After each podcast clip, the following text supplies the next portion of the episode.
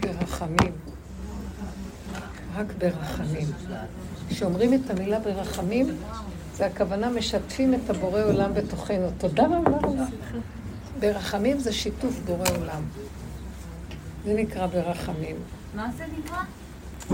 שיתוף של השם בתוך המציאות, כי אם לא זה דין. אה. כשיש שאומרים ברחמים, זאת אומרת, אנחנו אומרים, תתגלה, הוא מתגלה ברחמים תמיד, כי הגילוי בקו האמצע, שזה מידת הרחמים, זה הגילוי האלוקי. יש שמאל ויש ימין. הוא גם מתגלה בדין, אבל אנחנו לא רוצים את הגילוי שלו בדין. אה, וגם אה, אנחנו רוצים שיתגלה ברחמים, תמיד. זו מידה אמצעית שהיא כוללת הכל ויותר טובה. מה יש לכם להגיד? תגידו אתם. מה מתוקה? כן. בתור חדשה בדרך. אין חדשה ואין אה, ותיקה ואין ישנה. יש נשימה. כן. תכף אה, אני אפול עליה שהיא מדברת שטויות. כן, סליחה, כן, חס אני מדברת ושלום. שטויות, ברור. חמודה. אז מאוד הצליח. מאוד לא התפעלתי מאירועים מאוד מאוד דרמטיים שקרו לי. של מה? קרו לי דברים דרמטיים, אני... כן. במסגרת נאמר עבודה. כן. אה, והצלחתי לשמור על לא להתפעל ולא להתרחב. ו... אבל בשנייה שפזלתי החוצה, זו הייתה התרסקות יותר גרועה מעבר, כאילו, מבחינת, ה... ה- מבחינת הרגשות ומבחינת הכל, ממש התפרקות מוחלטת. ומה שאני רוצה לשאול אותך זה איך עושים את האינטגרציה הזאת, את הדיזולב הזה, את, ה, את, ה, את הדבר הזה ש, שבין בין, בין למצוא, אוקיי, למצוא איפה, ו, ובין להתרסק כל כך. כן, נשמה יקרה שלי. היא מתארת לנו את... את רואה כאן את כולנו דגים מתים. בבקשה, כנסי לבריכה. אבל לא לגמרי מתים, אנחנו עוד מנסים להיאחז בדפנות של הסירה, של הדייג. פישר, הוא דייג. זה רב אושר הדייג. אה, אני רוצה להגיד שאנחנו לא יודעים שאנחנו ישנים ונוחרים את ימינו. אנחנו לא יודעים שאנחנו בתרבות של שיגעון. שכחנו, תרגלנו, התרחבנו, שנדמה לנו שוואו, איזה חיים, אבל כל אחד יודע את צרת נפשו ואת מרת נפשו. וזה מוכיח לו הרבה פעמים כמה קשה וכמה אי אפשר וזה. מי שמגיע לדרך הזאת, הדבר הראשון שעושים לו בדרך זה, אה, קודם כל, אנחנו מנגנים בכינור להעיר אותו. אחר כך אנחנו כבר שולפים את השרוולים וזורקים את הסייף. ואחר כך אנחנו שופכים עליו דלי מים, ואחר כך אנחנו מטלטלים אותו. זה לא אנחנו, הדרך עושה את זה. מעט מעט אגרשנו מפניך.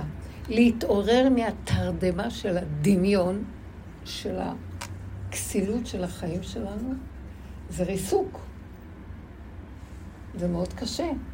אז החוויה של, וואו, כשרק אדם מתחיל לראות מי הוא, כשהוא מתאפק טיפה, והוא מנסה לא להגיב כמו קודם, ולסור עם המציאות שלו ולהצדיק את עצמו, ורק להתאפק ולהשתמש בקוד של הדרך, שזה העולם, זה רק סיבה, השני, מראה לה- להראות לי את עצמי.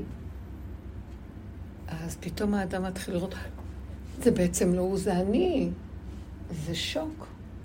זה כאבים נוראים. מה, זה אני? אין כאבים יותר גדולים מראשית ההתעוררות הזאת של הדרך. אתם כולנו עברנו אותה, נכון? בדיוק הגיע בזמן. התרסקנו. אבל ההתרסקות הזאת הייתה, זה ההתעוררות.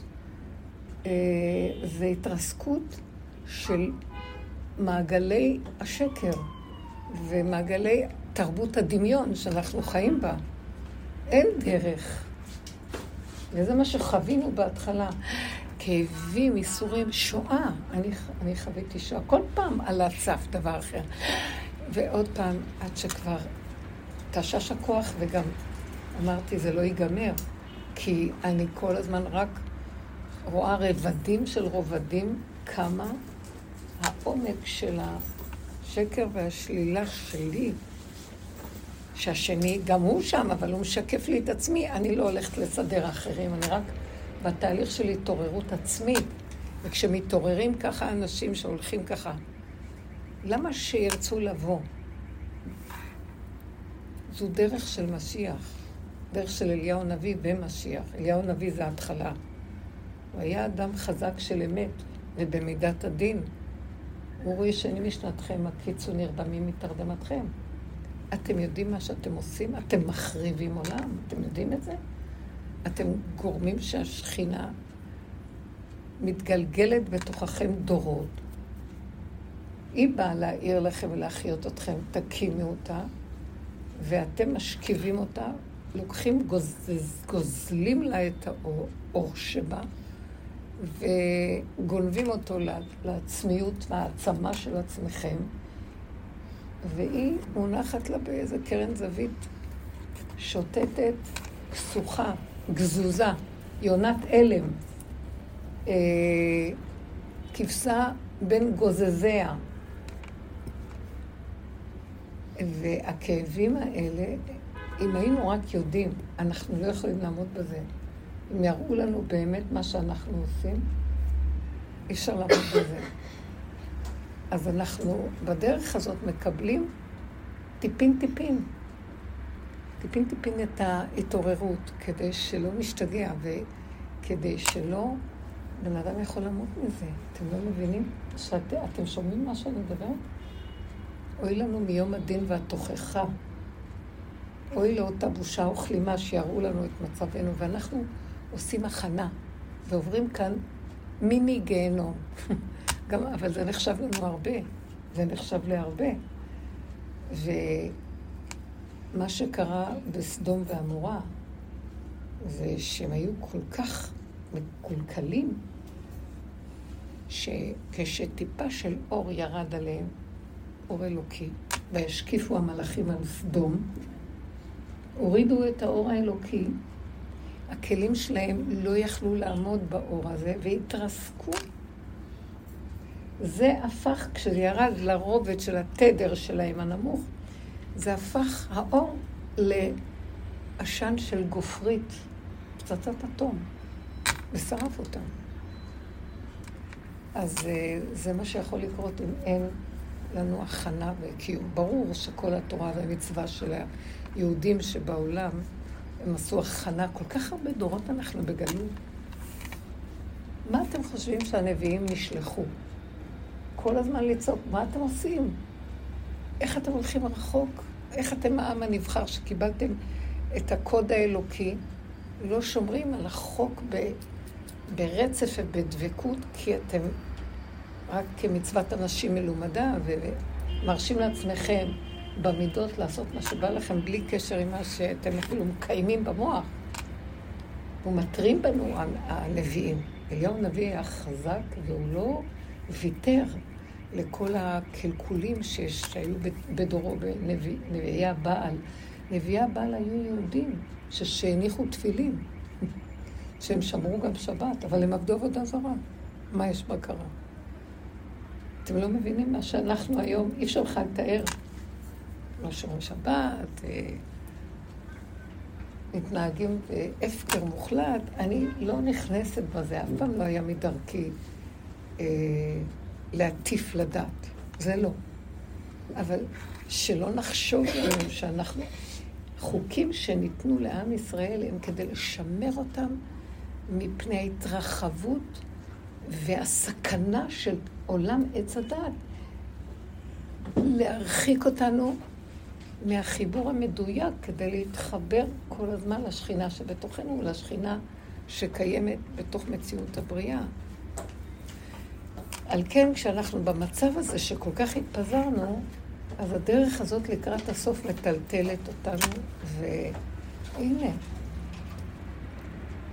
אני לא מדברת עליכם, ואנחנו חברים של רב אושר, שהיו אנשים מן השורה, בני ברקים, תלמידי חכמים, כל מיני חסידים, עובדי השם, לא עמדו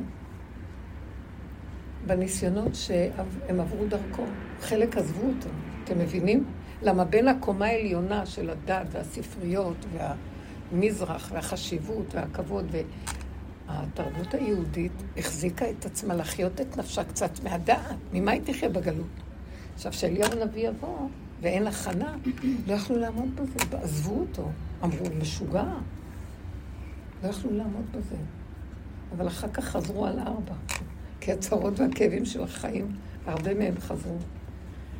כי זה לא קל, כי הוא הראה להם, אף אחד לא סבור מה שיש בתוכו, אף אחד לא יכול. גם אנחנו ברחמים, אל תחשבו. אף אחד לא מאמין מה שוכב בפנים. הרבנית. כן, שנייה, זה הכאבים שאת מרגישה שאת טיפה מקבלת דרך פה, ואת רואה שאת קצת מתחילה להתאפק, פתאום את רואה איזה כאבים, מה את רואה? זה הכאבים שאת רואה מתוכך שהבחוץ רק מעורר לך. כן. אני דווקא מרגישה קצת אה, בתקופה האחרונה... זה משהו אחר, התקופה אה, האחרונה. אני מדברת על התקופה כן, לא. הראשונה. אני רוצה לשתף אתכם לא שאני... זה נשמע. קצת... אה, אמן. זה נשמע קצת... לא, אבל תקשיבי, תשייכי כל דבר לעניין שלו. שלי. תקופה האחרונה זה משהו אחר. אוקיי. אנחנו עכשיו לא, איתה במה שהיא דיברה, כן, הבנתי, הבנתי. וגם את עברת את זה בהתחלה. מאוד. תתייחסי לזמן הזה. אני זוכרת אותך זה, עד לא מזמן, שחיטה. כולך מוכה. מה מוכה? יונה. יונה שחתכו לה את הכנפיים. ממש. אני זוכרת, ממש. כולנו. אז- אז אני מרגישה שכאילו... בהתחלה באה עברתי שאמרת איך היא לא רוצה לבוא לכאן. כן. מי רוצה? זה מה שאני אומרת לכם. נכון, נכון, אבל לא, אני, אני רוצה לשתף שאני בתקופה האחרונה עוברת אה, תהליך אחר דווקא. אני מרגישה... תעצרי רגע. אנחנו לא רוצים לקפוץ, כי אני רוצה דווקא לנגוע אוקיי. בנקודה הזאת, אחת. ולחבר את זה למקום הזה. אוקיי. אה, זאת אומרת שהתהליך של ההתעוררות הוא לא קל. אבל יש משהו מאוד מעניין בתוך המעברים שעשינו, אנחנו כאן כמעט עשרים שנה, לא יודעת כמה. משהו מעניין, למה אנחנו ממשיכים לבוא? כמה מקום? כי יש בתוך זה, מלווה אותנו שכינה. יש אור מתוק שמלווה, ואומר לנו ככה, אהובים שלי, יקרים שלי, בנות אהובות, אני כל כך בודדה, כל כך הרבה דורות מתחת לאדמה. ואתם באים לקראתי ומוכנים להיכנס למעבה של כל המציאות שלכם, שהיא סתומה וחתומה. תדעו לכם, לא היינו שורדים להיכנס בגלות באומות העולם לתוך הדרך הזאת. היינו יכולים ללכת לאיבוד. זה קורה לקראת הסוף, שיש שיבת ציון ונכנסנו לארץ ישראל.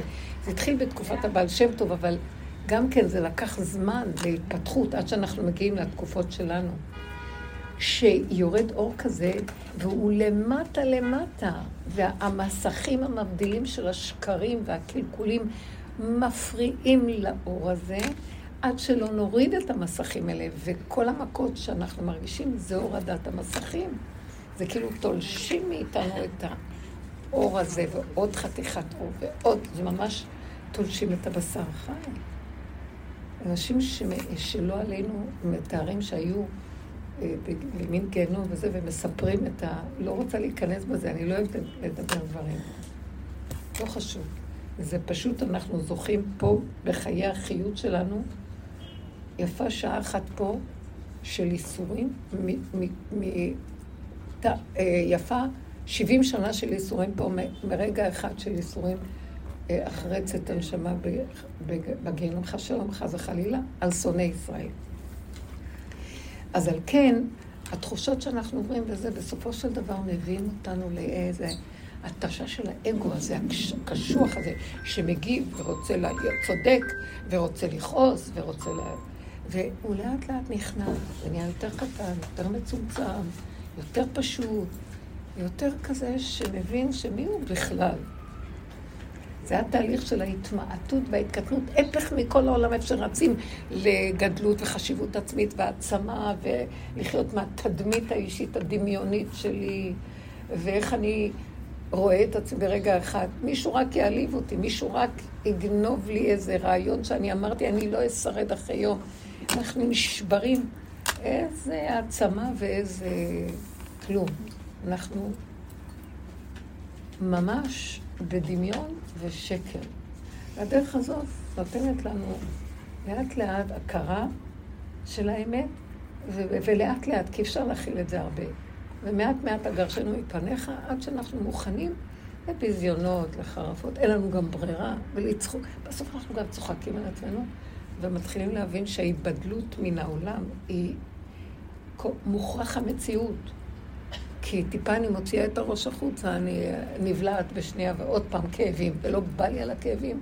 הכאבים הם לא שהשם עושה לי כאבים, זה השקר שלי, כשהאמת באה במחיצתו. אי אפשר, האור הזה מרסק. ואז אני אומרת, קשה. בסדר? אז אני נכנעת לאור. הגענו למקום, רחלי, לאחרונה, שאני אומרת חזק חזק, אל תילחמו בשום טיפה של כוח המנגד. כי גם שם יש השם שאומר לנו, תיכנעו, לא שאתם נכנעים לזה שמרגיז אתכם או מנגד אתכם.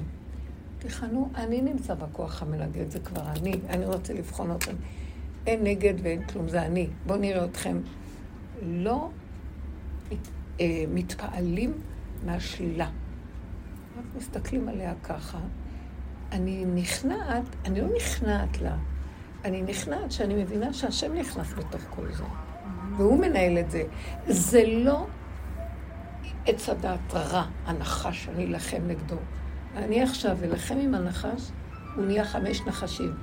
לא נלחמת נגד כלום. השם יילחם לכם, ואתם תחרישו. זה מחיית העמלק שקראנו בפרשת כי תצא. זה כבר השם יעשה את זה, זה כבר עשינו יותר מדי.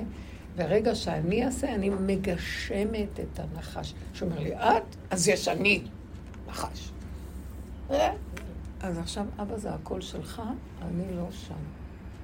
קטן, ראש באדמה, מתוק, ילד קטן, תינוק, לא יודע כלום. אין לו משמעות, אין לו חשיבות, אין לו שלילה וחיוב, אין לו כלום. רוצה לחיות נשימה, וחי את ההווה הפשוט, הקיומי. בכל אופן הוא נזהר לא להתרחב בעולם, בגלל שעוד פעם הוא ילך בדפוסים של חיובי שלילי, נכון לא נכון וכל הדבר הזה. עכשיו תבואי את ותגידי אז במקום שאת, שאת אה, מדברת, אני רוצה לשתף שבאמת זה מה, ש, זה מה שאני עושה, ואז אני חווה ניסים גלויים, ברוך השם. ממש. אני ממש... מהפך. רואה, אני מתאהבת בבורא עולם כל יום מחדש, אני בתהליך של כמו ילדה קטנה שמתאהבת. זהו, אתם אני, רואים? ילדים אני, קטנים. אני כאן, הרבנית, אני... הוא, כל רגע אני רגע נזכרת, וואי, מה עברתי בשנה האחרונה, ואז הוא אומר לי, רגע, אבל אני כאן, ואז הוא מראה לי, כאילו, הוא נותן לי עוד מתנות, והוא מראה לי עוד ניסים, הוא מראה לי את עצמו, הוא מראה לי שהוא כאן בכל נשימה. יפה. לא, בלי הנמה, טפו טפו. אה. מדהים, מדהים, מדהים. לא, אתם רואים? כבר לא להתנגד לכלום, גם אם הוא יבוא בצורת התנגדות, הוא לא להגיב להתנגדות. כן. רק לקבל ולהיכנע. ולהיכנע, להגיד, לא, אני רוצה, אני רוצה במתיקות. אני רוצה שתבוא אליי במתיקות ותיתן לי מתנות. זה מה שאני צריכה. נגמר המלחמות, נגמרת הדרך גם של המאבק. אנחנו כאילו, הדרך זה דבר שמתגלגל, והיא דרך שאנחנו נוסעים בה. פתאום אין לאן להגיע. הדרך נגמרת. אז מה עכשיו? הנה, איך שזה ככה עכשיו, ככה, וזהו. אתם לא מבינים מה אני מדברת? זה לא איך שהמוח אומר. מתוק מאוד. הרגע, והרגע הזה, הוא מהפך לך אותו בשנייה, ונהיה בסדר. שם צריך עכשיו. זה לגלות המהפך ברגע. זה נורא מתוק, אבל זה מתנות שהוא נותן. לא, זה תלוי כל אחד ואיפה הנקודה שלו, ולהגיד לו רק תודה כל היום. זהו. זה אפילו להפיץ את זה, כי זה כבר נותן לי חשק להגיד, וואו, בא לי, בא לי לעשות ההפצה של הניסים האלה, אבל מצד שני את אומרת זה להתרחב, אז אנחנו, אני חוזרת חזרה. אם יש מישהו ששומע ואת מת- מתלהבת ואת אומרת, ויש מישהו ששומע בקטן, כן, כאן ועכשיו בקטן. אבל לא להתרחב גדול, כי זה, אה, זהו, זה... כי את מאבדת את הקשר. הזה, כי הקשר הזה הוא קטן, קטן. אישי, פנימי, ואם מישהו במחיצתך יכול לקלוט את זה ואיתך בעניין הזה, טוב, ו- אבל לא בתוכניות הגדולות, כן. כי זה נגנב עוד פעם בתרבות של המוח. כן. רציתי לדעת אם זה באמת, אני יודעת שזו דרך פחות או יותר, אבל רציתי לדעת ממש על בטוח אם זה נכון או לא. פשוט, לא, כי באמת, אה, כל הזמן אה, חשבתי וחשבתי על זה, ואני ממשיכה עדיין לחשוב. זה לא, זה עדיין מהדהד לי בראש. אימא שלי עליה שלום, היא הייתה אישה עם, זאת אומרת, היא הייתה מבוטלת מן העולם הזה. ביטול טוטאלי גמור, לגמרי, לגמרי, לגמרי, לגמרי. שיום אחד פניתי לאבא שלי ואמרתי לו ביום הולדת שלה, למה אתה לא קונה לה צמיד, או איזה שרשרת, או איזה עגילים, או איזה משהו? אז הוא התחיל לצחוק, אז אמרתי לו, למה אתה צוחק? אז הוא אומר לי, אם אני אשים אה, צמיד לאימא שלך מזהב ביד, או חוט, זה אותו ערך. זה שווה ערך, זה, זה, זה, היא לא, היא לא יודעת מה זה זה, היא לא אוהבת זהב. חוט וזהב זה אותו שווה. היא הייתה פשוט מבוטלת מן העולם הזה. רבנית, ביטול גמור, טוטאלי, טוטאלי, טוטאלי. ואני לא יודעת אם זה כל כך... אה, לא יודעת, היא הייתה מבוטלת לגמרי, היא לא הייתה חיה את העולם הזה, היא הייתה כל הזמן מדברת עם הקדוש ברוך הוא. והייתה במצבים כאלה שהייתה מבקשת משהו מבורר, ופתאום ככה נופל לה... ומיד הייתה הולכת, למשל יום אחד, אה, אני ממש הייתי, חוויתי את זה על הבשר שכשהייתי קטנה, היא אמרה לו, בורא עולם, תגיד איפה הפותחן, אני לא יודעת איפה שמתי את הפותחן של ה- של הקופסאות, כי אבא שלי ביקש את זה ממנה, והוא אמר לו, אני לא זוכרת, אבל רגע היא נכנסה לחדר ואמרה לו, אמרה לו, איפה הפותחן, אני לא זוכרת איפה הוא. פתאום בשנייה הרימה את המזרון ומצאה את הפותחן שם. זאת אומרת, הוא אמר לה, איפה הפותחן, תלכי תמצאי אותו. אבל זאת אומרת, גדלתי במצב כזה לא? כל הזמן היו רק בבית, היו ניסים ונפלאות, וכל הזמן, כל הזמן, כל מה שביקשה וקיבלה, ביקשה וקיבלה, ביקשה וקיבלה. כל מה שהיא ביקשה מבורא עולם היא קיבלה. וזה היה פשוט, כל הזמן הייתה מדברת איתו משוחחת, והיה ביטול גמור טוטאלי, משהו לא רגיל. זאת אומרת, כלום לא. לא, מי שהיה רוצה להביא לה מתנה, משהו נרות, שמן נרות, להדליק או משהו. בת דודה שלי עברה שבע פעמים טסט, היא נכשלה. מה אז השאלה, אמא שאמרה? לכי לדודה שלך, אה, לאמא שלי. תלכי תבקשי ממנה. אז היא אמרה, למה חיכית שבע פעמים? למה לא באת אליי מההתחלה? ואז היא אמרה לה מה לעשות, וכשהיא אמרה לה מה לעשות, היא עברה את הטסט. היא פשוט מאוד, אני לא יודעת, ככה אני גדלתי הרבנית, ככה גדלתי. גדלתי עם בית של ניסים ונפלאות. מה שהיא ביקשה קיבלה, מה שהיא ביקשה קיבלה. ממש. אז אני רוצה לדעת... ואת, מה את אומרת, רחלי, על זה? לא, סליחה, חיים הצחיקה אותי. אני אומרת, זה הפשטות של פעם. פעם אנשים חיים בפשטות, עוברים ליד בית כנסת, שולחים יד, מנשקים, מדברים עם בורא העולם. זה מזכיר לי את הסבתא שלי, שבפשטות הם היו עובדים את השם, ולאט לאט עם השנים ועם הדור הזה, איבדו את זה, הם איבדו את זה, כל הכוחי ועוצם ידי וכל הבלאגן, הם איבדו איפשהו את השם. אז הפשטות של פעם, אהבת השם, הייתה אהבת השם פשוטה. היום כבר הרבה אנשים איבדו את זה. אני באמת לא יודעת כבר. אני באמת לא יודעת. יכול להיות שהם היו ברובד רוחני כזה, נקי, של כמו מלאכים. כן. ו... אז הם, הם... אנחנו לקראת הסוף צריכים לעבוד ברמה אחרת. אנחנו צריכים להשתלשל לתוך החושך, כן. שאין חושך יותר ממנו, ולפרק קליפה מאוד קשה, שהיא מסתירה את הגילוי שלו. זאת אומרת, היא הייתה במקום שהיא קיבלה מתנה, או יכול... לא הייתה לה עבודה כמו שלנו. היא לא הייתה שלילית בכלל. לא היה בה שום דבר שלילי. אנחנו הייתה כאן, שם הישרדות. היא, אני לא יודעת, אני באמת לא יודעת מאיפה זה בא לה. זה בא לה... אבל גם לא היה לא עוד אבל- ספרים לאישה, לא, ולא היה לימוד. אומרת, לא היה. אבל היו לה, הסבא שלהם היו תלמידי חכמים גדולים מאוד. מה הם היו? עושים פעולות, פעולות. פשוטות, לקום, לנקות, הזמן את המשפחה, לגדל, לא והרבנית, פשוטה, היא לא לקרוא- היא לא ידעה לקרוא ולכתוב, אבל ידעה לקרוא סיפורים שהיו. מעם לועז. אני. אומרת, פתחתי מעם לועז. הוא אני ידעתי את כל מודיעים. הסיפורים האלה כשמתי שהייתי, סיפרתי את זה לבעלי. אמרתי לו, תשמע, אני... אני לא יודעת. רבנית, לא היה את הדעת הזאת, לא היה את הדעת, הם היו מעם תמימים. טוב, אז לא- לא היה את הדעת. אז תקשיבו רגע, זה פשוט לא יאומן, אני לא מאמינה. איך זה יכול להיות? כי אתם לא קולטים. אני מדברת איתכם על דבר אחר. אני, מד- אני לא יודעת איך לחזור אחורה. אני מדברת איתכם על דבר כזה, שהשכינה נמצאת במקום מאוד מאוד מאוד מאוד מאוד נמוך. בחושך של החושך, בהסתרה של ההסתרה, שמה הוא נמצא. והכוח, ש... מה זה שכינה? זה כוח אלוקי ששוכן איתם בתוך טומאותם. שבוי שמה. והוא, הכוח הזה, הוא כל הזמן מחיה את הבריאה, אבל מחיה את העולם המקולקל. אבל העולם המקולקל מקבל את החיות ממנו וחושב שזה כוחי ועוצם ידי. ואז השכינה נמצאת בתוכו, רק הוא מעקר אותה ומסעף אותה ומבלבל. אתם מבינים מה אני אומרת?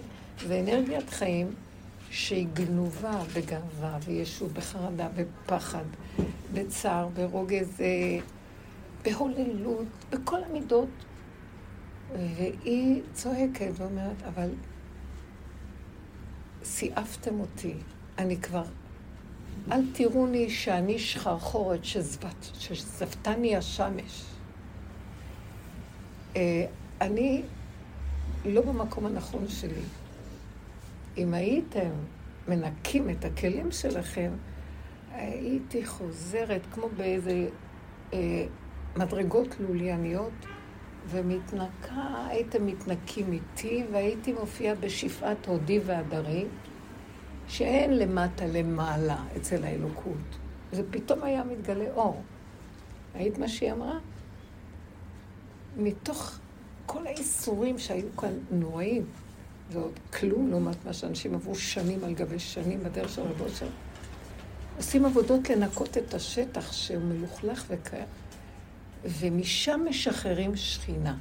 כי יתרון האור הבא מן החושך. משם עץ הדעת הופך לעץ החיים. האריזל אומר שעץ הדעת, תוכנה הנוראית הזאת, היא-היא בשורשה עץ החיים.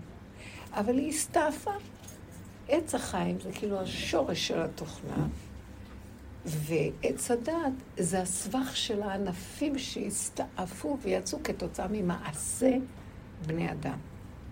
הדרך שאנחנו עובדים עליה, היא רוצה להחזיר להקים, לקחת את עץ הדת ולפרק אותו, פירוק אחר פירוק אחר פירוק. זאת אומרת, כל הקלקולים והחושך, אתם זוכרות שהיינו מדברים על החיסרון ועל הפגמים, והיינו שמים פנסים ורואים את עצמנו? לא עשו את העבודה הזאת פעם. היא לא הייתה ברובד הזה בכלל. לא. הייתה ברובד מלאכי. זה לא היה רובד של בחירת האדם. זה היה רובד, וזה גלות אחרת כן, לא? זה סוג של... זה סוג של ריחוף בדרגות של מלאכים. כי היונה לא מצאה מנוח לכף רגלה בעולם. אז היא אמרה, אין עולם, אין כלום, יש רק בורא עולם. מתוך ההכרה של ההתרפקות אמונה עליונה. הדרך שאנחנו מדברים, חזרנו, גלינו מארצנו ונתרחקנו מעל אדמתנו ואנחנו בגובה בגלות. וזה החזיק אותם. האמונה הזאת החזיקה אותם. זה תמך בהם. וזה העיר להם, ויכלו לשרוד את המציאות. קיבוץ גלויות מאוד גדול קרה פה, במאתיים שנה האחרונות, וחזרנו לארצנו. חזרנו מהריחוף של אומות העולם והדרגות הגבוהות שהצדיקים והחסידים עפו שם, והתחלנו לנחות בתוך אדמת ארץ ישראל, אדמת בשרנו, קרוב. חיים פה מאוד קשים. פה זה לא בשמיימי. חוץ לארץ יותר קל. פה קשה. צער, רוגז ומכאובים. יש את השכינה שנמצאת בתוך ארץ ישראל שלא זזה מעולם מהכותל המערבי, לא זזה. ארץ ישראל נקראת מערבה, כן? פה. כאילו, מדור של השכינה שיושב בפנים, בפנים, בתוך החושך, מכוסה, וצריך לאט לאט לגלות אותו. העבודה שצריכה להיעשות בסוף, היא בכלל לא מהכיוון הזה. הוא רוצה שנגלה אותו לא בשמיים היא, ולא מעבר לים, ולא בארץ רחוקה. היא הייתה מובדלת, מופרשת. לא אכפת לה בין החוט לזהב כלום, מלמעלה.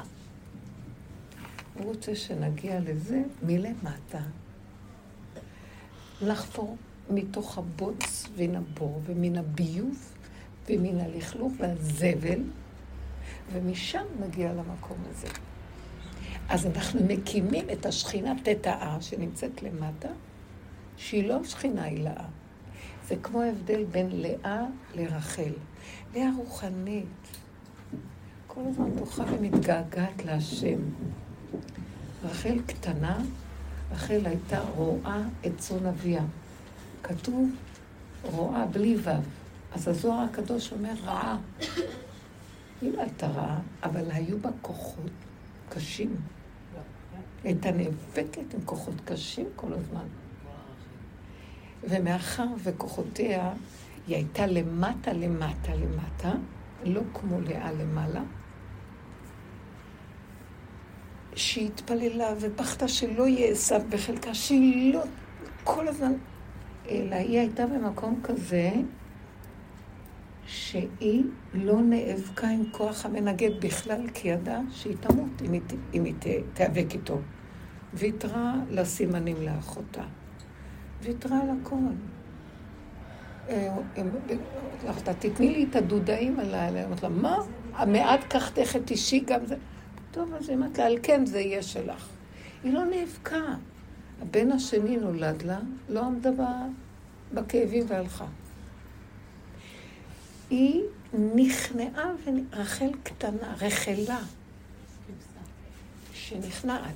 דרך אגב, הרחלים הם הצאן הכי אהוב על השם, הבהמה הכי אהובה להקרבה, כי היא לא מתנגדת, נכנעת.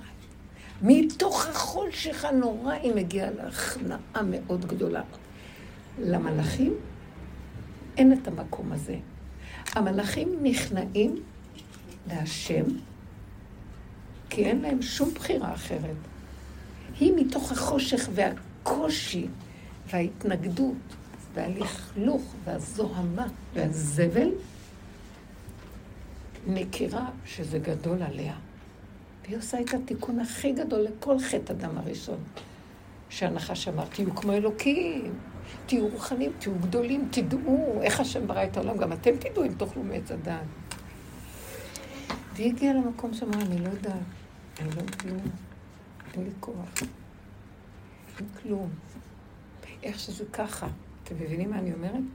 היא תיקנה את כל שיגעון הגדלות של הנחש של עץ הדת, שפיתה אותם להיות גדולים, והחזירה את זה, אמרה, לא, קטנים, רחל הקטנה.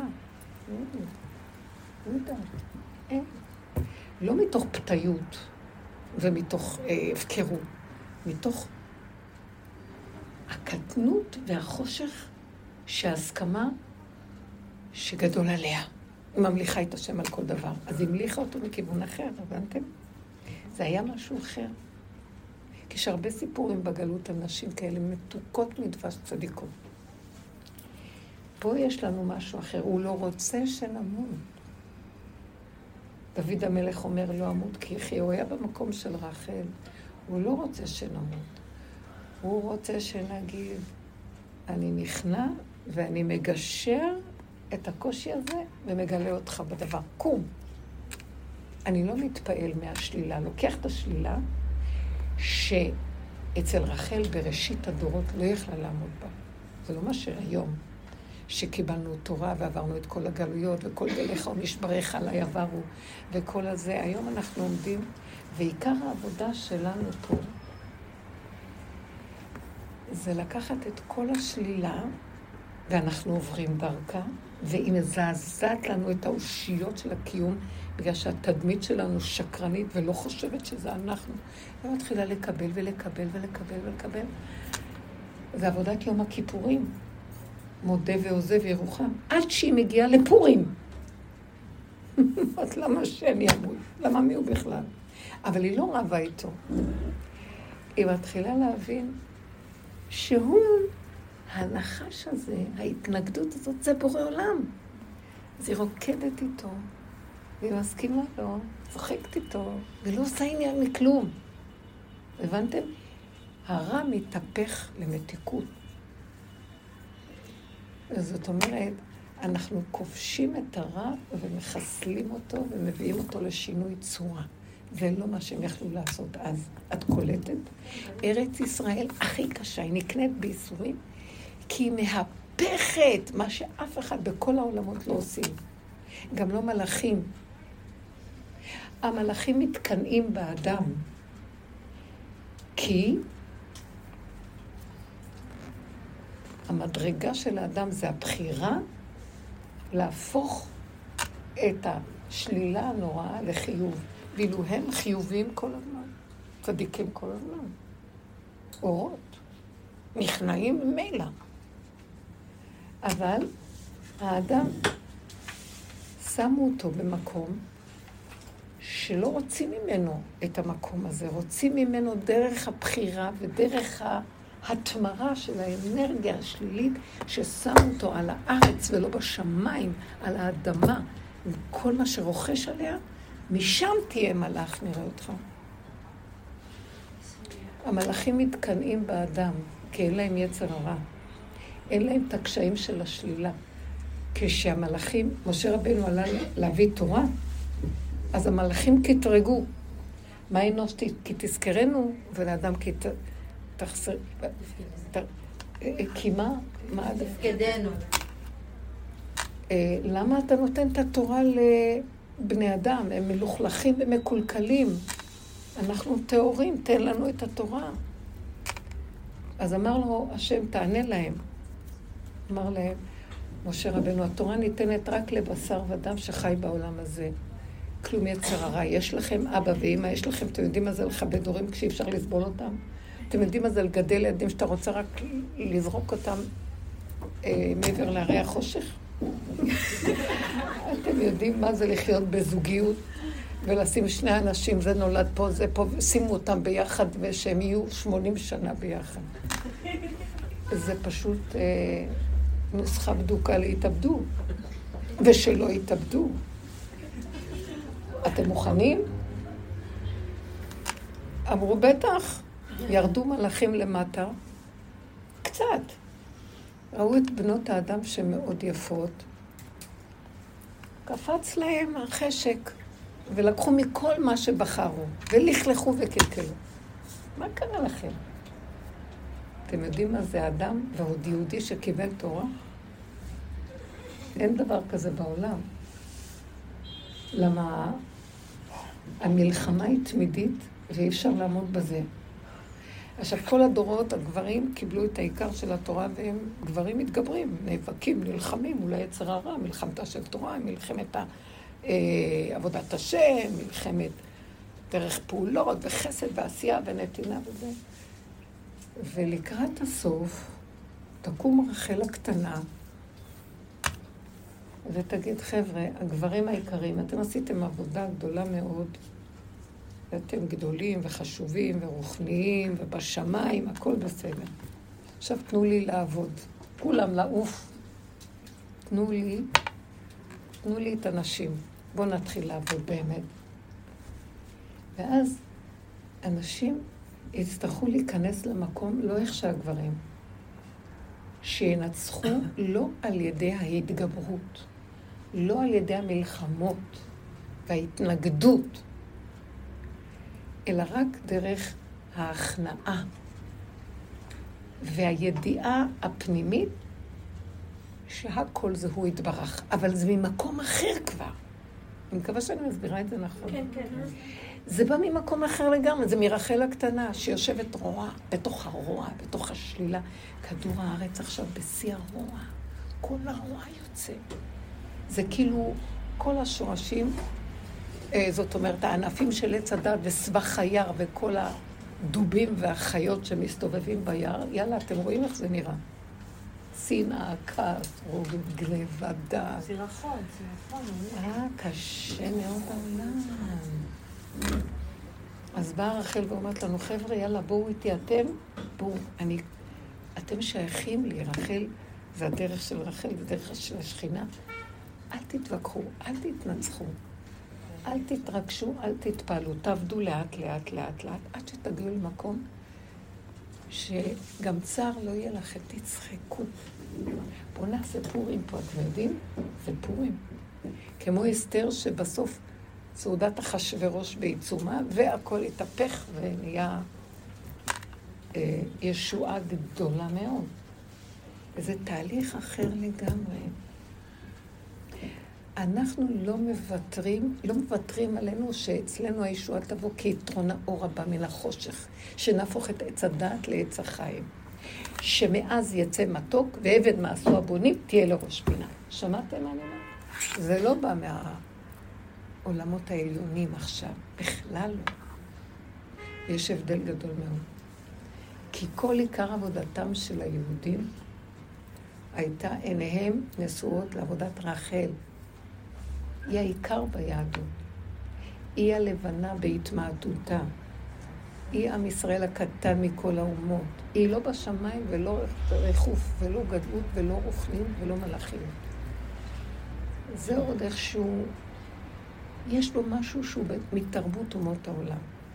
כי הם סוגדים למלאכים והם הם רוחניים גם. אבל היהודי חייב לעבור את חשקת הזוועה של הזוועות, זה כל הגלויות הרעות בתוך אומות העולם, ולחזור בחזרה לזוועה אחרת. אחרי כל הגלות הזאת, לאן חזרנו? תקשיבו, מזה פחדו הרבה גדולי ישראל ולא רצו לעלות לארץ ישראל. כי מי שעלה לכאן, התבלבלה עליו דעתו. יש לכם קליפה קשה. מה אתם חושבים שהמרגלים סתם קטרגו? הם אמרו, ארץ אוכלת יושביה. הם ראו שיש כאן קליפה שהם חשבו לא נוכל לגשר אותה. כי הם עוד היו בתודעת המדבר, בחסות הרוחני של ענני הכבוד, והמן, והבאר, והניסים, ומשה רבנו, והרוחניות הגדולה. והם לא רצו פתאום להיכנס לתוך כל החשיכה הזאת והשלילה, ולהתמודד עם הפגמים והחסרונות, ולצעוק כל היום אבא. אמרו, למה לנו? בואו נחזור למדבר. מה חסר לנו? שמעתם? זה היה הקטרוג. על זה השם העניש אותם. על זה הוא קבע בכייה לדורות כל תשעה באב. אתם יכולים להבין למה? כי הוא חפץ ברחל הקטנה בארץ ישראל, שנעביר לו את כל האנרגיה של שלילת העולם, ליתרון האור בא מן החושך. אין עבודה יותר גדולה מעבודה שהיהודי יעשה. עוד הגלות, זה היה אה, קטן לעומת מה שנקרא הסוף. זה כמו הריון ותהליך מתקדם, והלידה עצמה. אתם יודעים מה זה לידה? לקראת הסוף. זה מצב מאוד לא פשוט. כולם יודעים. פוסקים אומרים על זה, זה אישה נמצאת על פתחי הגיהנום. אנחנו על פתחי הגיהנום פה כל הזמן. פיקוח נפש, זוכה את הכל. אז מתבלבל הכל בעולם, עד שאנחנו יודעים, יש תורה, אין תורה, איך אנחנו מקיימים, לא מקיימים. הוא אומר, רגע, רגע, בשעה הזאת לא בודקים את הדברים האלה. בודקים שתישארו שפויים ותנשמו עמוק, ואין לכם שום מעמד. תולה ארץ על בלימה. רק אין עוד מלבדו. אבל פה, בתוך המערבולת של המים רבים. לא בשמיים, אל תעופו לי, תעברו דרך המערבולת. אין לברוח מהמערבולת. אתם תברחו ממנה, היא תטביע אתכם. אין לאן לחזור. רק להסכים להיכנע ולהסתובב איתה ולתת לה עד שאנחנו רואים מהפך, יצאנו מהבור, פתאום. ומתנות ומתיקות. ועוד פעם ועוד פעם, אבל זה התהליך האחרון. צריך נרבים לסוף הזה ולתהליך האחרון הזה. העבודה שאנחנו עושים היא עבודה שאין אח ורע לה ואין דומה לה. זה עבודה אחרת מכל העולם. זה לא בתוך עץ הדת החיובי הרוחני, זה אין עץ הדת. לפרק אותו לרסיסים. אז מה נשאר? אתם יודעים מה? שזו תחושת מיטה עין. אין לי במה להאחז. אתם לא, לא מרגישות שעובר עלינו דברים כמו, אני לא יודע מי אני, אני מאבדת זהות, מאבדת חשיבות, אני לא יודעת מה, לא יודעת, אין לי זיכרון, דימנציה, אני לא יודעת מה זה, אני, כן, לא, מה. ואז אני אומרת, ואני אומרת, אני לא יודעת, אני לא יודעת. ואז אני אומרת, תגידי, השתגעת? את לא תדעי, את לא... וכל העבודה אומרת לי במוח, מחשב, תישארי בלא יודע ותסכימי. בואי, תתאמני, אני לא יודע, לא יודע, לא יודע. אז מה אני אעשה אם אני לא יודע? מה פירוש? חיה לא יודעת כל הזמן. היא נושמת, והיא צריכה לאכול, היא אוכלת, והיא צריכה לישון, ישנת. ואחרי זה מה? עוד פעם, תאכלי ותשני. ועוד פעם. ובתוך זה הוא משאיר לי דעת קטנה, שהחיה רואה סיבות יותר מהבן אדם. והבן אדם שעושה עבודה כזאת, הוא לא חיה.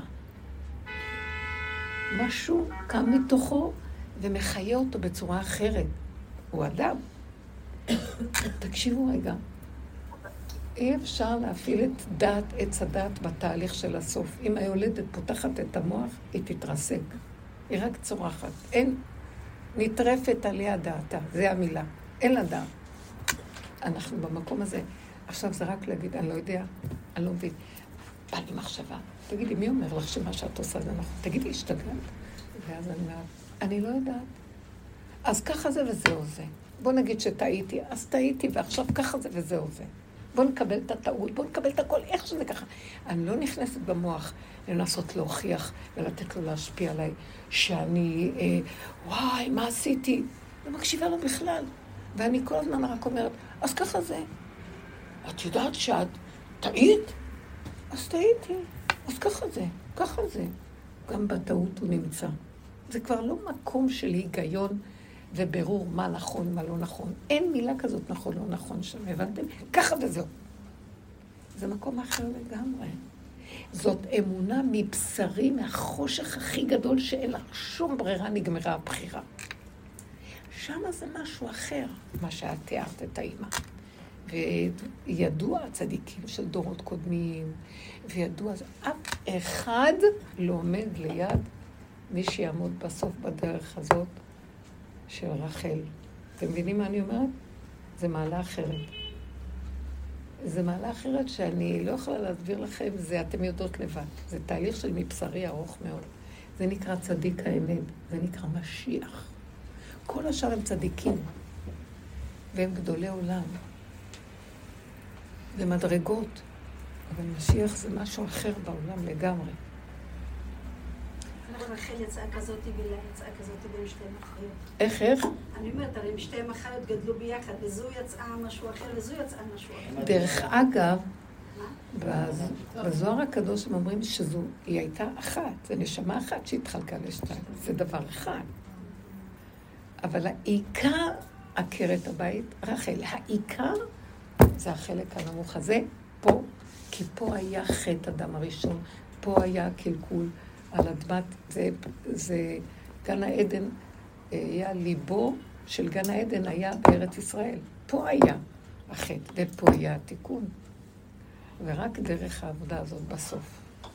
וכל הגלגולים שלנו באומות העולם, והסבל והאיסורים, חילקו לנו את זה קצת, קצת, קצת. לא היינו יכולים לסבול את זה בלי כל ההקדמות ובלי כל הכוח של התורה שבירר לנו וניפה לנו את כל הזוהמה והטינוף.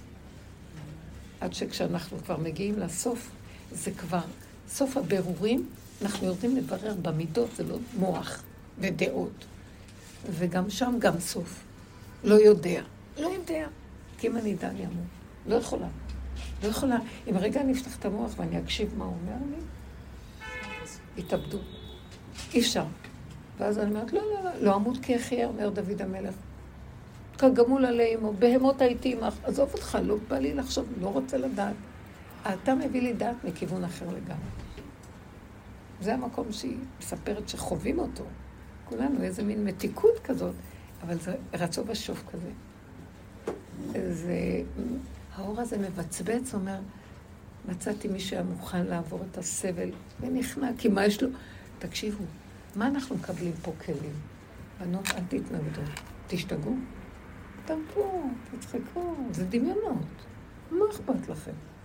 לא, אבל הבן שלי יצא ככה. מי הוא בכלל? זה השטן שבא עכשיו דרכו לפתות אותך למות. לא אמות כי אחיה. תקשיבו רגע, לא לתת שום משהו ככלום. עכשיו, אנחנו בסכנה מאוד גדולה, כי התודעה של העולם בולעת. צריכה לצמא את הראש בחוץ, הלכת לאיבוד. זה כבר מאוד מסוכן לעבוד בכל מיני עבודות ובחברות וקהלים גדולים והכול. תקשיבו, הוא יכול לפרנס אותנו גם בלי כסף והכל בסדר.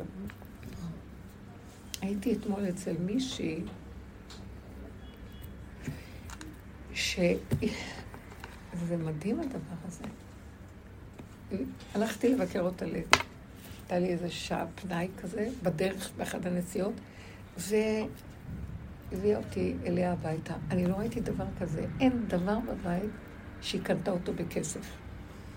הכל מגרוטאות וממחזורים של שחזורים ופחזורים, ובצבעים וצורות, והיא מלאת חיות ושמחה, והיא יוצרת. עכשיו יש לה גינה אם אתה לא, אין, אין לי כסף, אין לה כסף.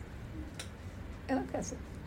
אז יש לה עגבניות, עשתה לי סלט כזה, לא טעמתי בחיים. אה, היא מגדלת את הירקות שלה ואת הכוסברה שלה וזה, ויש לה תרנגולות עם הביצים שלה.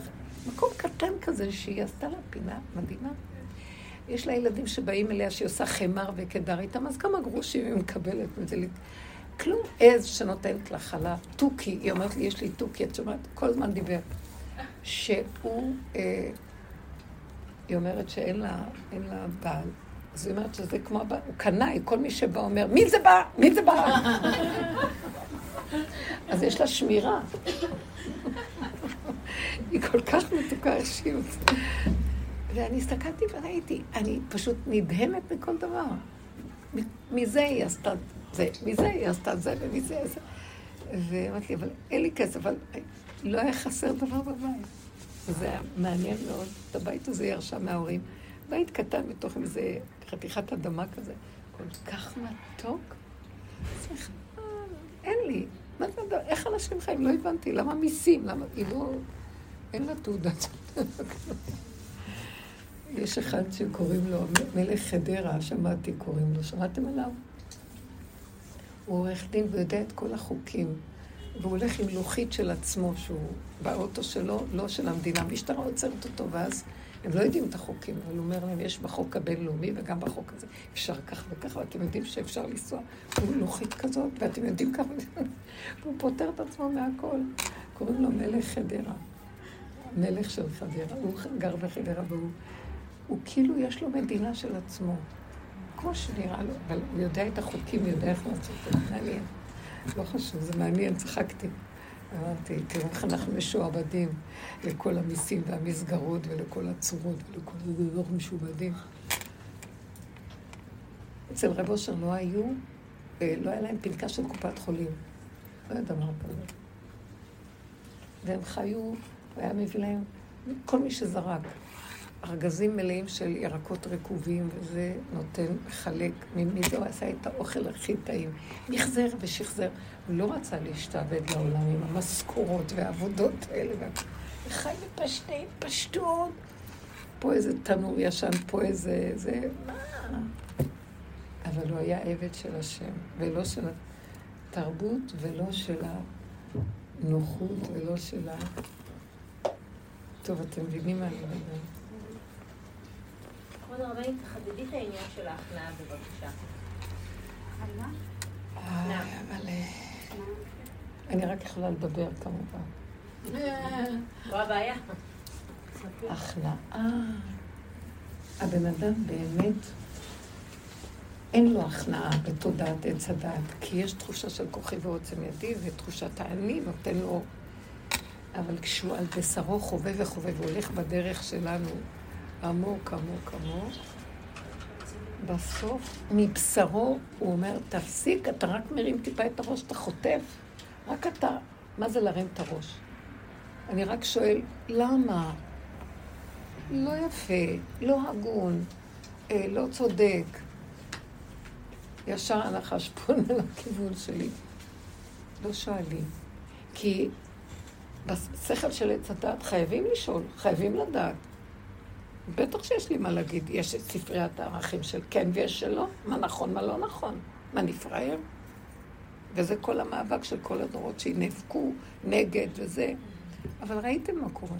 נאבקים, לרגע כובשים, אחר כך הוא מרים את הראש וכובש אותך. וזה ככה, ותשקוט הארץ 40 שנה, ואחרי זה עוד פעם מעגלים, ועוד פעם זה ועוד פעם זה.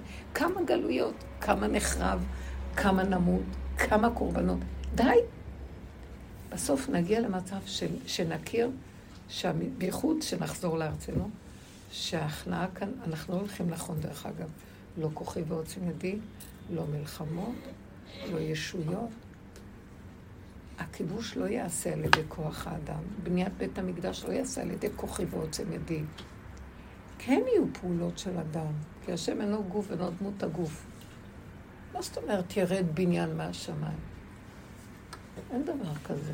סליחה שאני אגיד לכם. זה לא חוק של העולם פה. אבל האדם מושיט יד ולא מרגיש את הפעולות, וכאילו הבניין קיים בסקיצה, הוא רק מעמיד אותו עכשיו. הוא לא מתאמץ, אבל מעשה אדם. בית המקדש זה מצווה כמו תרי"ג, אחת מתרי"ג המצוות.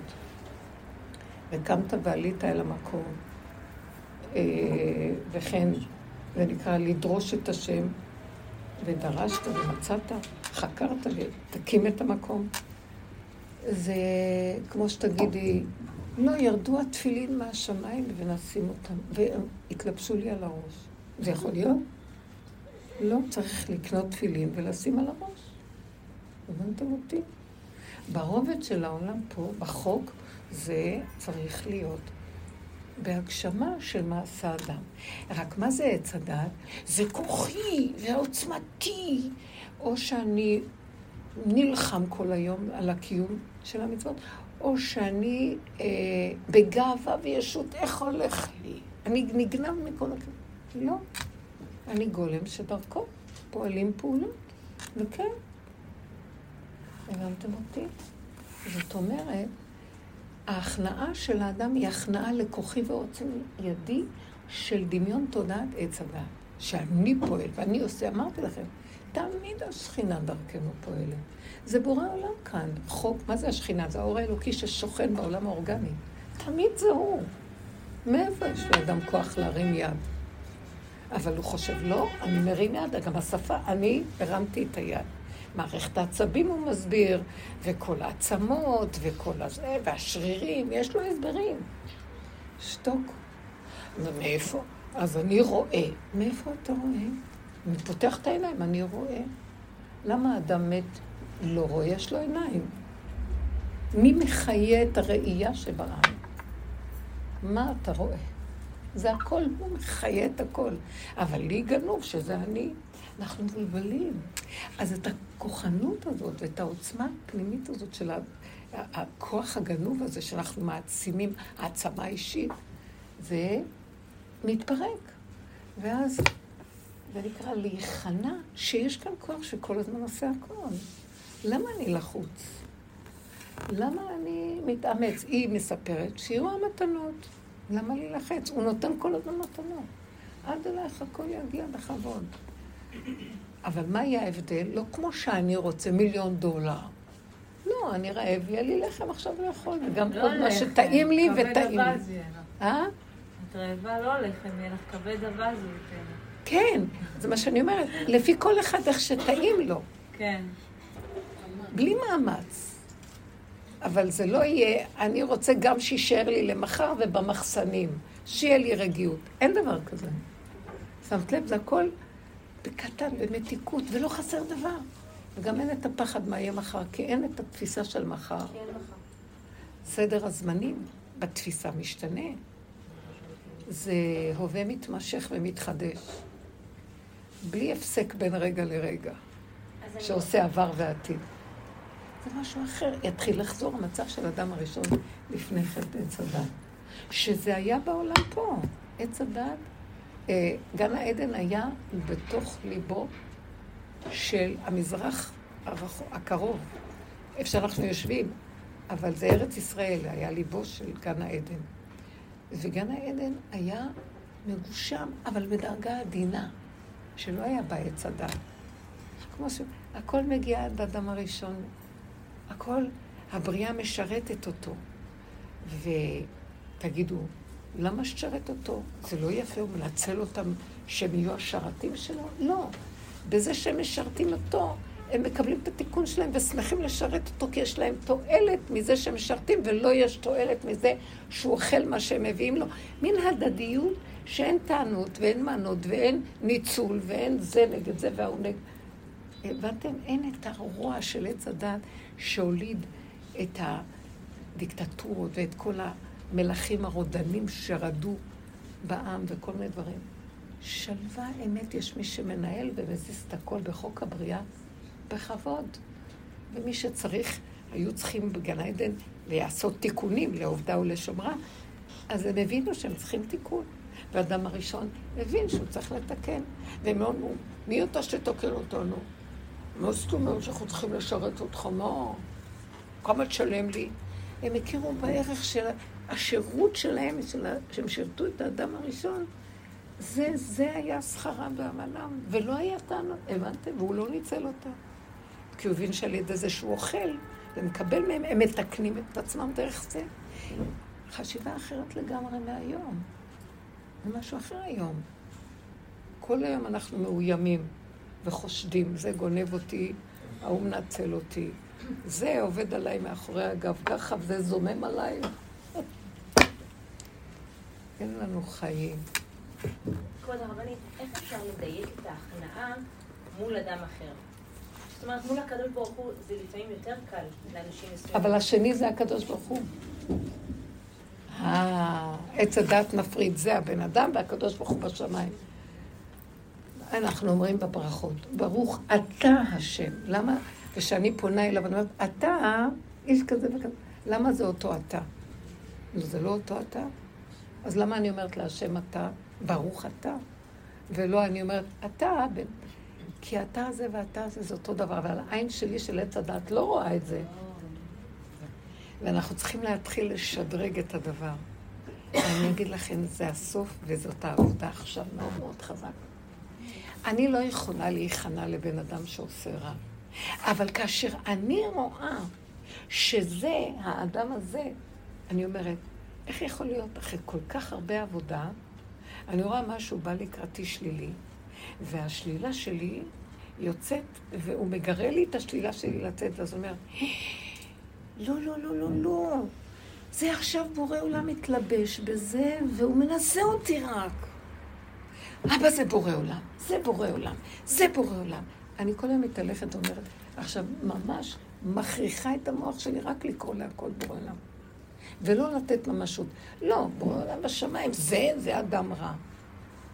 לא, כי אחרת הנחש מתגלה באדם הזה ומתגשם, והוא מזיק, וכוח המנגד, אני נותנת לו כוח בזה שאני, ואני לא רוצה לתת יותר כוח לכוח המנגד.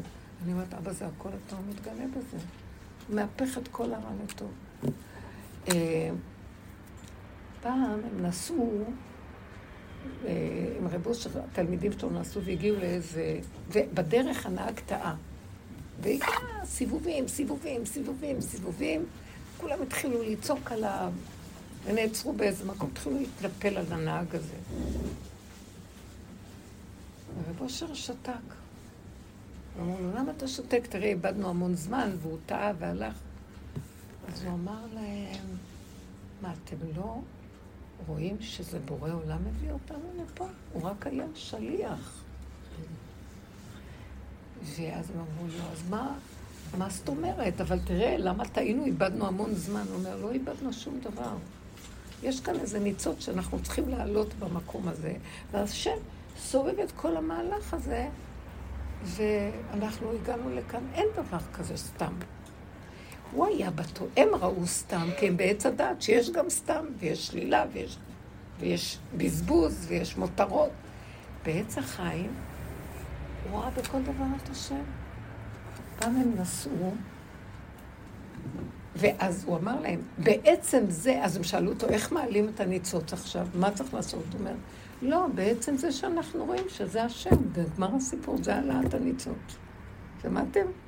לא אם חשבו עכשיו צריך לעלות ניצוצות מהאבנים והזה. לא, הכרנו שזה השם, אין לנו שום אה, סתירה ואיזה טרוניה. גן עדן, זה כמו האדם הראשון עם הבריאה, משרת אותו, משרת אותה, הכל בסדר, לא סתם, זה ככה קרה. אם הם הגיעו עד אליי, הם צריכים ממני תיקון. והם אמרו, אם אנחנו באנו לשם, אז השירות שלנו שלו, זה מה שעושה לנו את התיקון. תקשיבו, הרמוניה מושלמת, השם אחד ושמו אחד בכל דבר. אז את מבינה? זאת אומרת, אני לא מפרידה שזה בן אדם שמרגיז אותי ושם נמצא השם.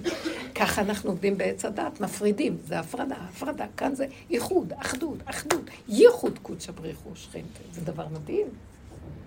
אה, הם נסעו פעם אה, למירון, וכל הדרך עצירות, בלאגנים, לא הלך להם, גם טעו קצת וחזרו, ולקח להם חמש שעות במקום אז, פעם, ארבע שעות, שלוש שעות.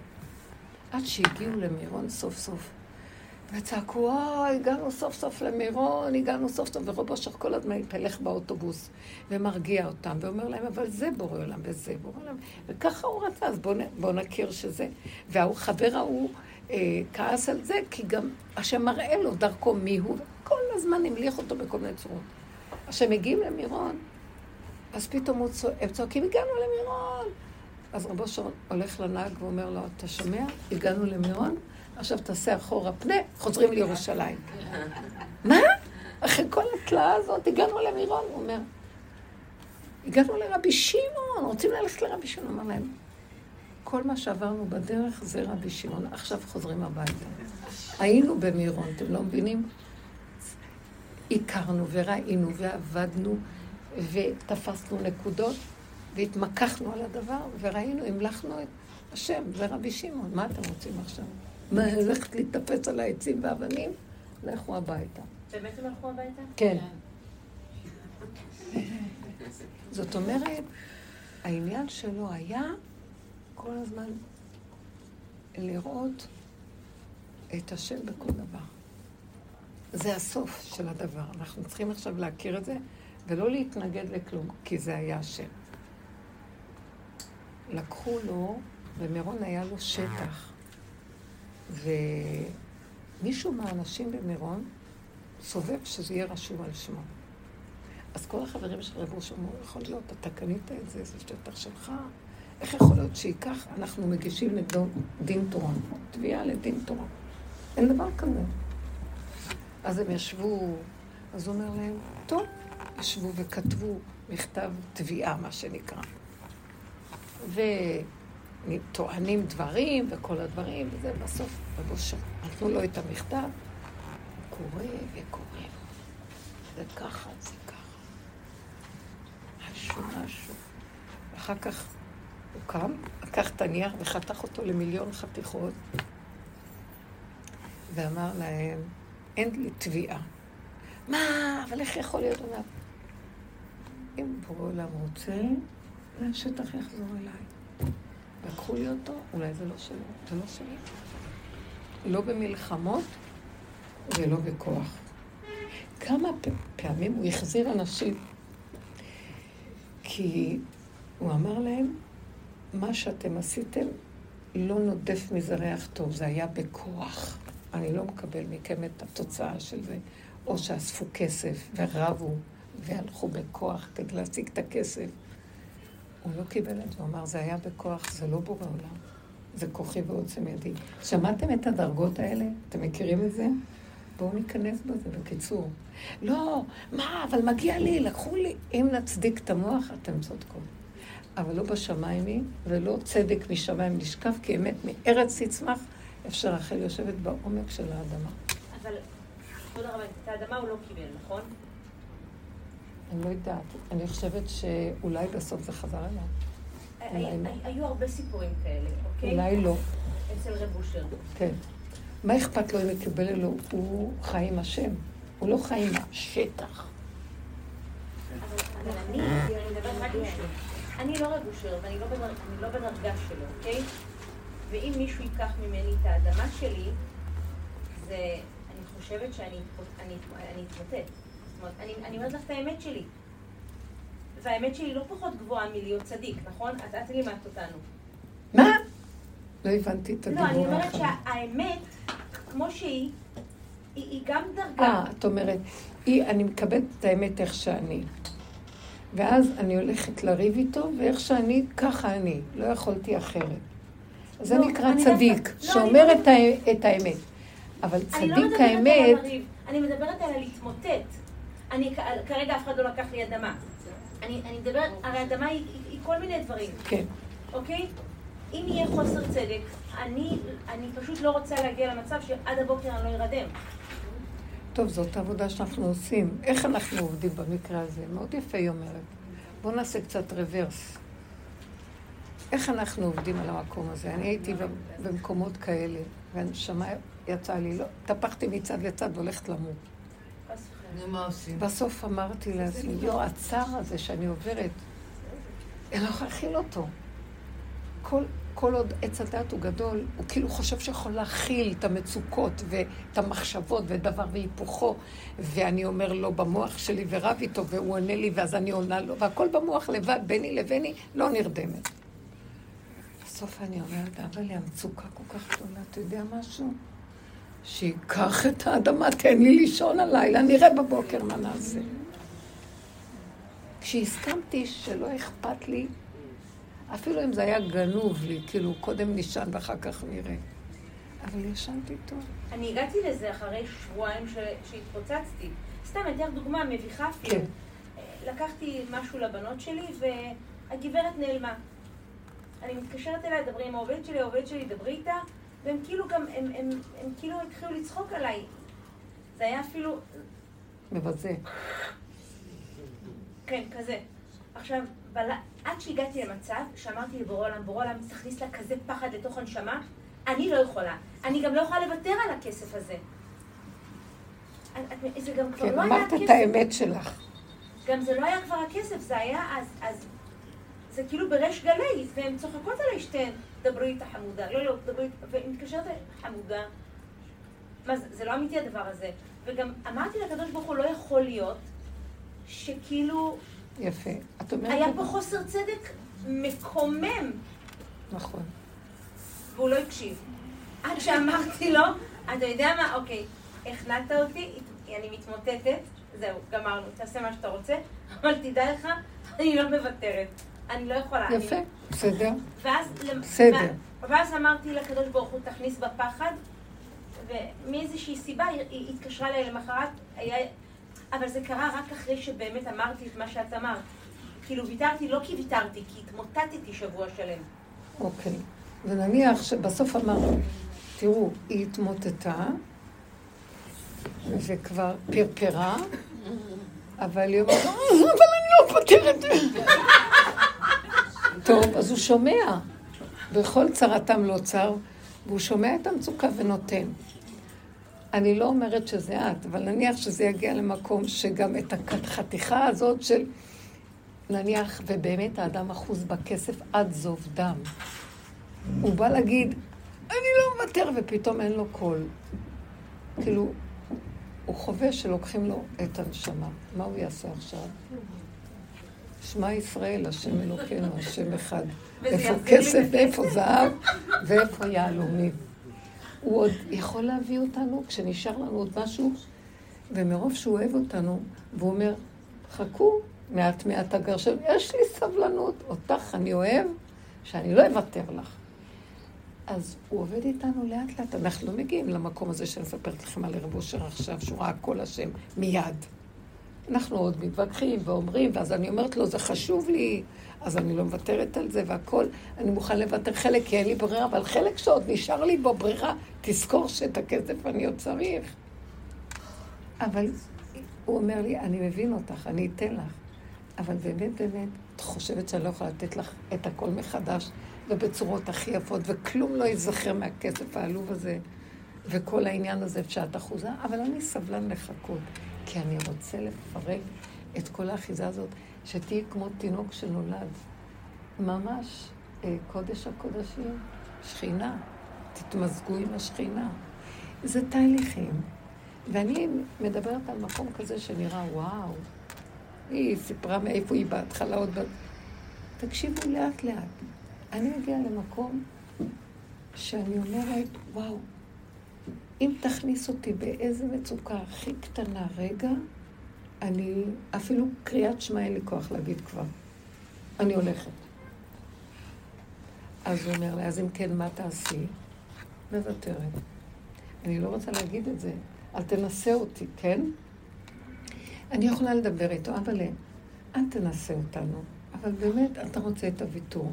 אז בואו נעשה איתך הסכם, שבנפש תביא אותנו למקום של הוויתור. אל תיגע בנו. אנחנו במילא מוסרים לך את התודעה. בסופו של דבר, כאן זה עולם של גשמות, קיומיות פשוטה, שככה קבעת בחוק העולם. כסף, ממון, זה מה שנקרא זוזים, שזה המשחק שלך בעולם.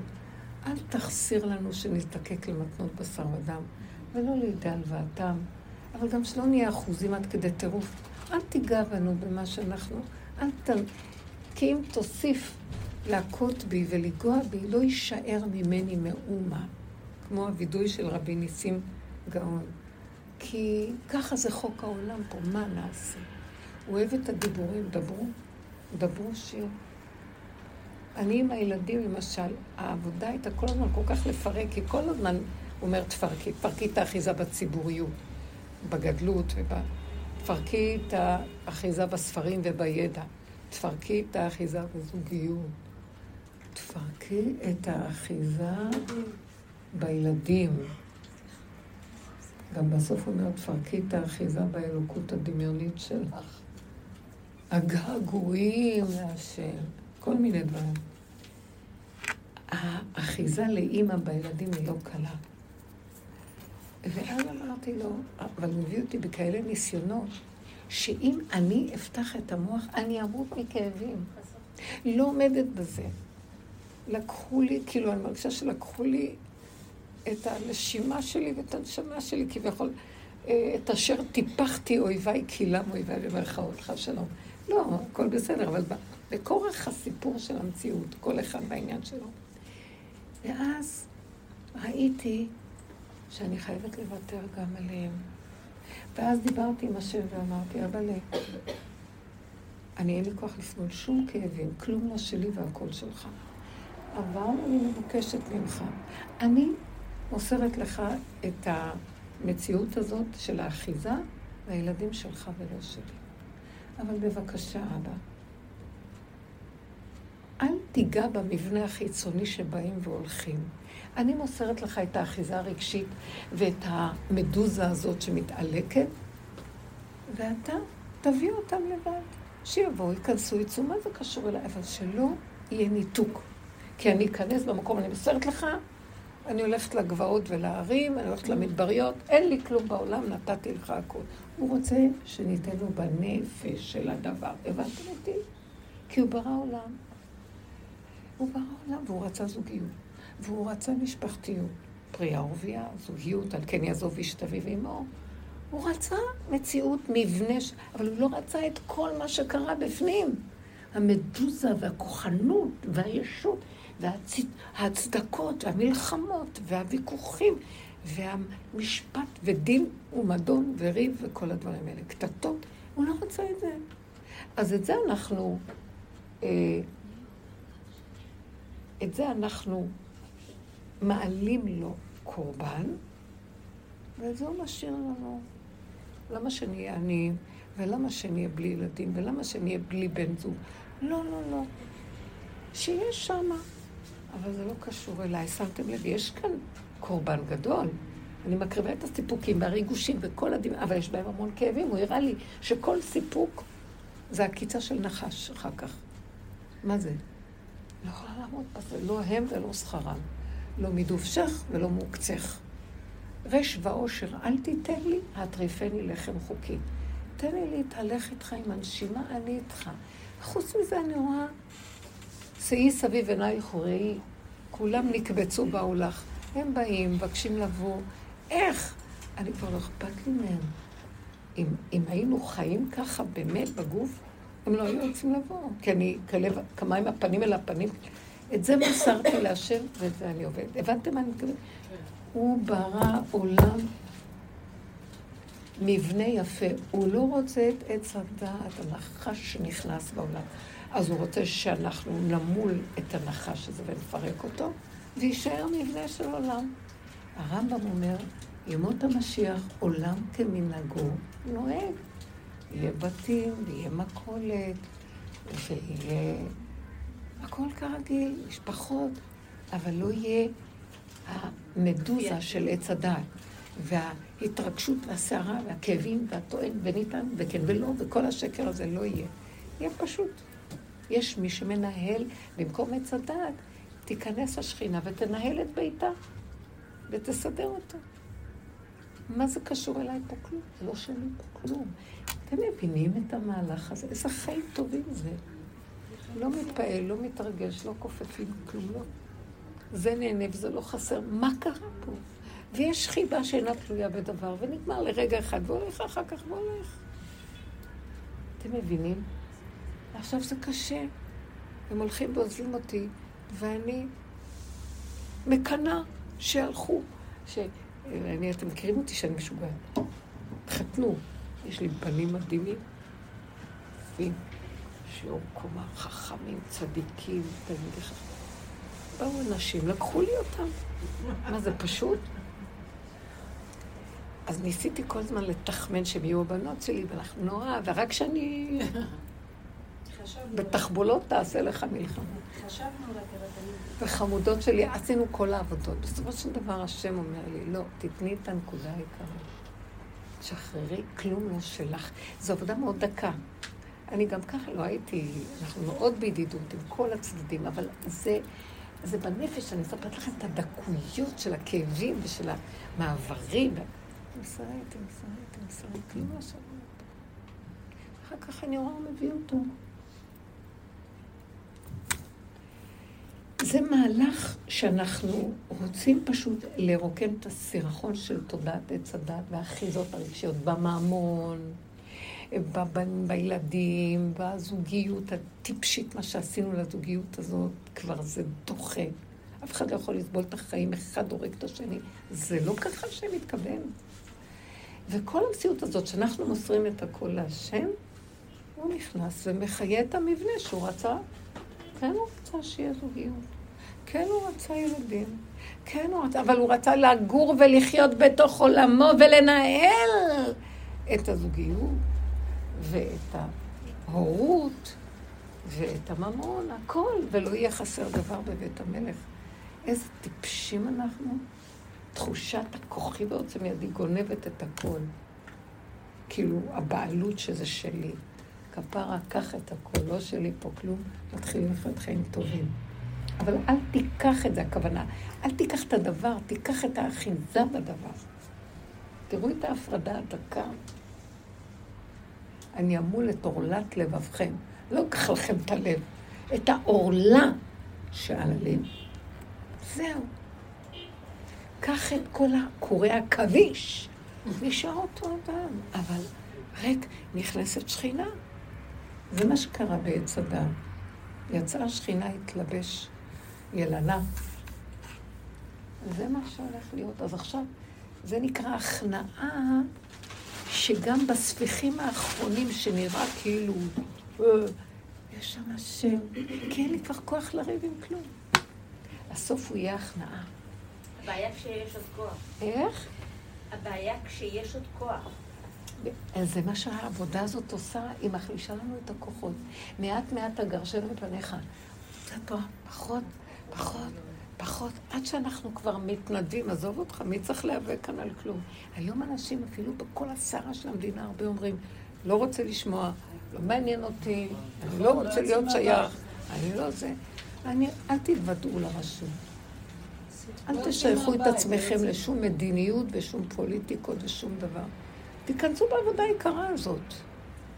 הוא דרכנו נכנס ויסדר טיפה של מקום שאנחנו מפנים לו, הוא נכנס לסדר את הבלגן. ואיך אני רואה איך שהוא מסדר? אנשים נהיים עייפים, לא אכפת להם. גם הערבים נהיים עייפים. ואלה שלא יהיו עייפים וירצו להכניס בהם כזה פחד, כמו שהיא אמרה, שהם יברחו, כל הפחדים והכאבים שלנו ילכו עליהם. זה השם יסדר את זה. אבל דרך העבודה שאנחנו עושים, הוא מתגלה. זה לא רוחני, השם מסדר. תנו לי כלי, אני מתגלה, אני מסדר. הבנתם? זאת העבודה של האדם. אל תוותרו על הבחירה עד שנגמרת הבחירה. כי זה עיקרו של מדרגת האדם. הבחירה, לתת את הבחירה להשם, ולהגיד זה אתה, אבא זה אתה. אל תוותרו על הבחירה עד ש... עד שאני אני מעבירה את הבחירה הזאת בחזרה לשורש שלה. אין באמת בחירה, זה כאילו בגלל עץ הדעת של טוב ורע נוצרה בחירה. באמת אין בחירה לאדם. יש ייחוד השם בכל העולמות, אבל לי נדמה שיש לי בחירה, בגלל שפיצלו לי את המוח לשתיים. שיש אני ויש יצר הרע ויש השם, יש כל מיני פיצולים. אבל זה לא שולל, הבנתם? מה? שאלה. כן. זה לא שולל את הבחירה של האדם אם יהיה טוב ורע? מה, מה? זה לא שולל את הבחירה. של האדם יהיה טוב ורע? כי אדם שהוא נגיד לא שומר, זה יגיד, טוב, אני ככה. נכון, צודקת. אנחנו לא מדברים על המקום הזה, שזה התחלת ההתחלות, שצריכים לקבל עוד תורה ומצוות, שכן צריכים להיזהר מהרע הזה, כי יש עוד ישות, והעולם הוא בעיניי גם מציאות וישות. אנחנו מפרקים את הישות הזאת לאט, לאט, לאט, לאט, לאט, לאט, עד הסוף הזה שאנחנו מדברים עליו. אם אתם קולטים, זה תהליך של פירוק. כך שאני אומר, היום אני מסתכלת ואני אומרת, אין רע, זה הדמיון שלי. לא רוצה לראות רע. זה דמיון. משיח שר עיניו מראות ברע. ואדם באמת שהוא רע אמיתי, שבא לקראתו, ברוח הפיו ימית רשע. לא מהרוגז ומהרוע. הניקיון והריקנות של משיח מעץ הדת, ממית, האדם מת מהצילום שחוזר לו מעצמו. הוא, הריקנות שלו מצלמת לו איך הוא נראה והוא מת מזה. זה לא שהוא עושה לו משהו. אתם מבינים את זה? נקי, פשוט. אבא, תעזור לנו. תודה רבה לכם, אתן מאוד קשובות יפה, איזה ילדות טוב. משהו. תודה רבה רבה, ישועות גדולות. ראש השנה ניכנס כמו כלים נקיים שאין להם כלום. איזה שבת, ראש השנה בשבת, זה כיף. אל תכינו יותר רק חמים, מה שאוכלים בשבת רגיל. יום ראשון קצת תאכל את השיריים. לא להתאמץ. לא נריב גם על הסימנים. העיקר זה השבת, שבת היא הכי קדושה בעולם. מה הרבנית?